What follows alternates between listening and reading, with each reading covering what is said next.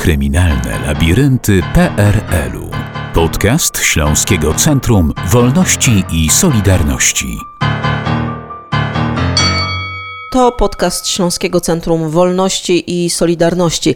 Kryminalne labirynty PRL. Aneta Kuberska i Sylwester Strzałkowski. Koniec lat 80. kojarzy nam się głównie z okrągłym stołem, rok 1989, wybory do kontraktowego Sejmu, przełom, przychodzi wolność. A jednak to jest także rok bardzo skomplikowany, bo rok, w którym giną księża katolicy, księża najprawdopodobniej będący jednymi z ostatnich ofiar systemu komunistycznego, mordowani przez, no właśnie, przez kogo i czy na tle politycznym. O tym chcemy porozmawiać dzisiaj o księdzu Stanisławie Suchowolcu, a naszym gościem jest pan profesor Patryk Pleskot, naczelnik oddziałowego Biura Badań Historycznych oddziału Instytutu Pamięci Narodowej w Warszawie, autor książki Zabić mordy polityczne w PRL, wydanej nakładem wydawnictwa Znak. Dzień dobry panie profesorze. Dzień dobry panu, dzień dobry pani, dzień dobry państwu. Ksiądz Stanisław Suchowolec zmarł 30 stycznia 1989 roku. Panie profesorze, dużo tych najprawdopodobniej w tym wprowadzeniu Sylwestra. To dlatego, że możemy mówić o całej wiedzy na temat tej śmierci tylko właśnie, że jest ona najprawdopodobniej, ale nie na pewno. No to jest bardzo frustrujące dla badacza, myślę, że dla obywateli również, że te sprawy pozostają w dużej mierze niewyjaśnione czy nierozliczone. Ja to, trochę nazywam takimi wyrzutami sumienia III Rzeczpospolitej, bo w już wolnej Polsce, w pełni demokratycznej, no nie potrafiliśmy rozliczyć tych niewyjaśnionych zbrodni z okresu PRL, czy to z samego końca, ale też z całych lat 80. Te sprawy właściwie wszystkie, od najbardziej znanych po mniej, budzą dużo wątpliwości. Ja oczywiście rozumiem też obiektywne przyczyny, dla których te sprawy są trudne do wyjaśnienia, a przede wszystkim mataczenie, które ma miejsce od samego początku, zacieranie śladów, transformacja ustrojowa, niszczenie dokumentacji MSW, tak więc to wszystko oczywiście utrudnia rozwikłanie tych zagadek. Jeżeli dodamy do tego też zmowę milczenia, która jest rzeczywiście niezwykle skuteczna ze strony byłych funkcjonariuszy resortu, no to otrzymujemy niestety rezultat w postaci spraw, które często są niewyjaśnione ze znakiem zapytania i w sumie to dotyczy również sprawy księdza Stanisława Suchowolca, z tym, że tutaj w przeciwieństwie do przypadku księdza Niedzielaka, o którym kiedyś rozmawialiśmy, te motywacje akurat są bardzo, bardzo jasne, są bardzo oczywiste.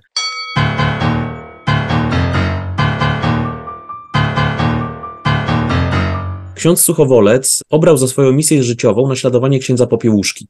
Był też wikarym w parafii w Suchowoli, tam w rodzinnym mieście, w wiosce właściwie księdza Popiełuszki. Zaprzyjaźnił się z rodzicami księdza Popiełuszki, a na pogrzebie księdza Popiełuszki jeszcze raz powiedział no sobie, ale też wszystkim to powtarzał, że on za właśnie swoją misję uważa teraz naśladowanie, wejście w buty księdza Popiełuszki. Znajomi mówili, że on nawet naśladował trochę gestykulację, mimikę i ton głosu księdza Popiełuszki. Tak więc rzeczywiście bardzo mocno i poważnie potraktował tą, tą rolę i tą misję jakby naśladowania, kontynuowania dzieła księdza Popiełuszki prowadził głównie na Dojlidach białostockich, takiej dużej parafii, którą objął w 1986 roku, bardzo mocno angażując się również w tamtejsze życie opozycyjne. On miał bliskich znajomych wśród różnych odłamów opozycji. Jak poczytamy sobie raporty esbeckie, to zobaczymy, że to, że on właśnie potrafił jednoczyć, czy skupiać wokół siebie różne odłamy opozycji, od Solidarności Walczącej przez KPN, po tą bardziej mainstreamową, powiedzmy w cudzysłowie, opozycję, bardziej umiarkowaną, było traktowane jako bardzo duże zagrożenie, bo władze robiły wszystko, żeby skłócić, prawda, te środowiska opozycyjne. Natomiast one tutaj przy księdzu Suchowolcu gdzieś ten potencjał wspólnotowy zachowywały i ksiądz Suchowolec dostawał pogróżki. Wiemy też, że były zamachy na jego życie, przez próba sprowokowania wypadku samochodowego już wcześniej, już przed 89 rokiem. Tak więc to się dzieje w nocy z 30 na 31 stycznia 89 roku jest właściwie tylko tragiczną kulminacją no, drogi, którą ksiądz Suchowolec no i aparat represji weszły wiele lat wcześniej, dokładnie tak samo jak było w przypadku księdza Popiełuszki. Tutaj to naśladownictwo no, poszło aż do tragicznego końca, to znaczy jeden i drugi stali się ofiarą e, mordu politycznego.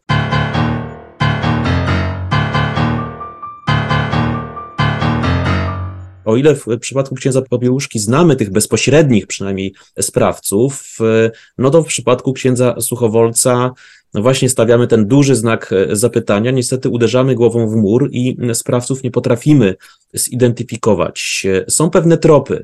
Są pewne tropy. Otóż jak popatrzymy sobie na świadków przesłuchiwanych w różnych momentach, już po trzeciej RP również, zarówno w sprawie księdza Suchowolca, jak i Niedzielaka, tego, który zmarł 10 dni wcześniej, to w niektórych tych zeznaniach powtarza się takie stwierdzenie o trzyosobowej grupie, która była gdzieś widziana w pobliżu domu księdza Niedzielaka i, księdza Suchowolca, dwóch mężczyzn i jedna kobieta.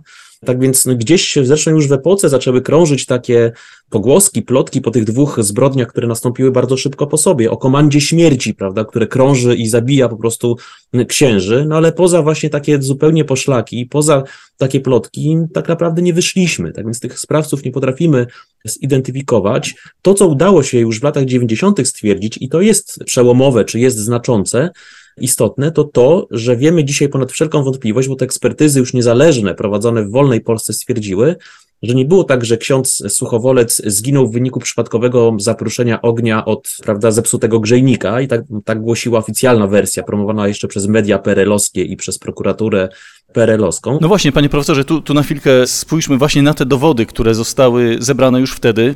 Bo to mogłoby wyglądać, i tak to przedstawiała rzeczywiście wtedy propaganda, że zapłonął ten nieszczęsny grzejnik, ta popularna farelka czy farel, i od tego zapaliło się mieszkanie. Natomiast my dziś mówimy o tym, że to nie tak było, że, że była substancja jakaś rozlana, że nie było aż takiego pożaru, raczej dym, do tego dziwne zachowanie psa, piesnika, który od kilku dni był senny. No to wskazuje na to, że tak naprawdę coś innego się wydarzyło niż po prostu nieszczęśliwy wypadek z farelką.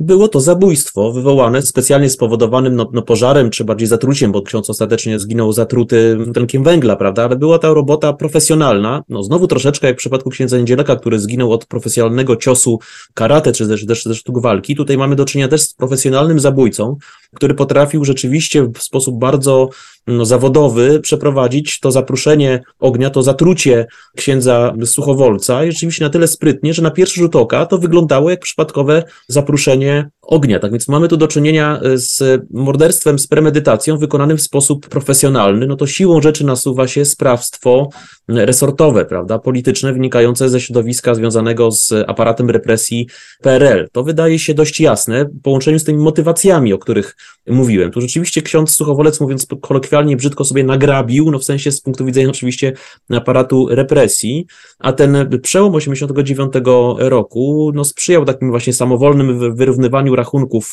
y, z wrogami ludu, czy z wrogami aparatu represji. Moim zdaniem była to po prostu działalność dość samowolna, chociaż oczywiście mająca zgodę jakichś bezpośrednich przełożonych tych, tych sprawców, chociaż nie szukałbym może tych sprawców w samej wierchuszce partyjno-państwowym, ale w momencie transformacyjnym, w którym ta bezpieka zrywa się z łańcucha, takie mordy no, zyskują możliwość, czy uprawdopodobniają się, prawda, zyskują możliwość realizacji. Moim zdaniem ksiądz Suchowolec padł właśnie ofiarą takiego mordu politycznego wywołanego przez aparat e, represji e, PRL, ale no znowu, uderzamy głową w mur, pewną z frustracją muszę stwierdzić, że sprawcy pozostają nieznani. Obawiam się również, że tymi nieznanymi sprawcami już pozostaną.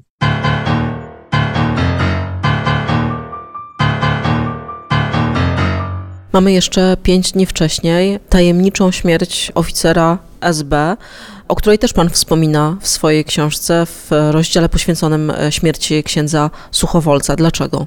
Dobre pytanie. Na pewno tenże oficer miał w jakiś sposób kontakt e, z księdzem Suchowolcem. Dokładnie nie wiemy, o co tutaj mogło chodzić, no bo ten oficer rzeczywiście w dość tajemniczych okolicznościach również traci życie. Właściwie dokumentacja na ten temat jest nieistniejąca, albo przynajmniej niedostępna, no to jest kolejny, ja to czasem nazywam systemem morderstw połączonych. To znaczy nie jest tak, że jedno morderstwo już kończy całą sprawę. Jak, jak w kiepskim, czy nawet nie kiepskim kryminale, prawda? Jedna główna sprawa czasami rodzi kolejne morderstwa. Tu mogliśmy mieć do czynienia z podobną sytuacją, albo jak wcześniej z sytuacją związaną z księdzem Popiłuszką, gdzie też e, no, dwóch oficerów w tajemniczym wypadku straciło, straciło życie, czy jeszcze wcześniej w przypadku śmierci Stanisława Pyjasa był inny młody chłopak, który właściwie niedługo później też e, w tajemniczych okolicznościach utonął. Tak więc to jest, mówię, zjawisko, które ja nazywam systemem morderstw połączonych, które pokazują, że nie mamy tu czynienia ze zwykłymi kryminalnymi, takimi czysto e, sprawami, tylko z, no mówiąc znowu potocznie, grubszymi sprawami, prawda, gdzie te dna gdzieś gdzieś rozbijamy jedno i sięgamy po drugie, ale jak mówię, no, takim dominującym uczuciem, jakie przynajmniej ja mam badając te sprawy, jest oczywiście frustracja i takie poczucie, że, że, nie, że gdzieś, gdzieś dotykamy pewnych, tylko łapiemy za ogon, prawda, jakby te wątki, a nie potrafimy za nimi, za nimi pójść. I ta tajemnicza śmierć oficera jest kolejnym właśnie kamyczkiem podbijającym nam tą sprawę księdza Suchowolca, ale dokładnie nie potrafimy tych puzli poukładać, prawda, na mapie, chociaż no, takie właśnie konteksty tym bardziej wzmacniają tezę o politycznych i resortowych korzeniach takich zbrodni. Ksiądz Stanisław Suchowolec, jedna z ostatnich ofiar stanu wojennego, a właściwie nawet więcej, bo w ogóle represji komunistycznych w Polsce, bo to już był rok 1989. Może ta śmierć nastąpiła dlatego, że ktoś chciał zablokować przemiany w Polsce i storpedować okrągły stół. O to jeszcze będziemy pytać naszego gościa w kolejnych odcinkach podcastu Kryminalne Labirynty PRL-u. A naszym gościem był dzisiaj i będzie w przyszłości także pan profesor Patryk Pleskot, autor książki Zabić mordy polityczne w PRL, wydanej przez wydawnictwo wydawnictwo Znak. Na co dzień historyk, naczelnik oddziałowego Biura Badań Historycznych oddziału Instytutu Pamięci Narodowej w Warszawie. Bardzo dziękujemy panie profesorze. Dziękuję bardzo.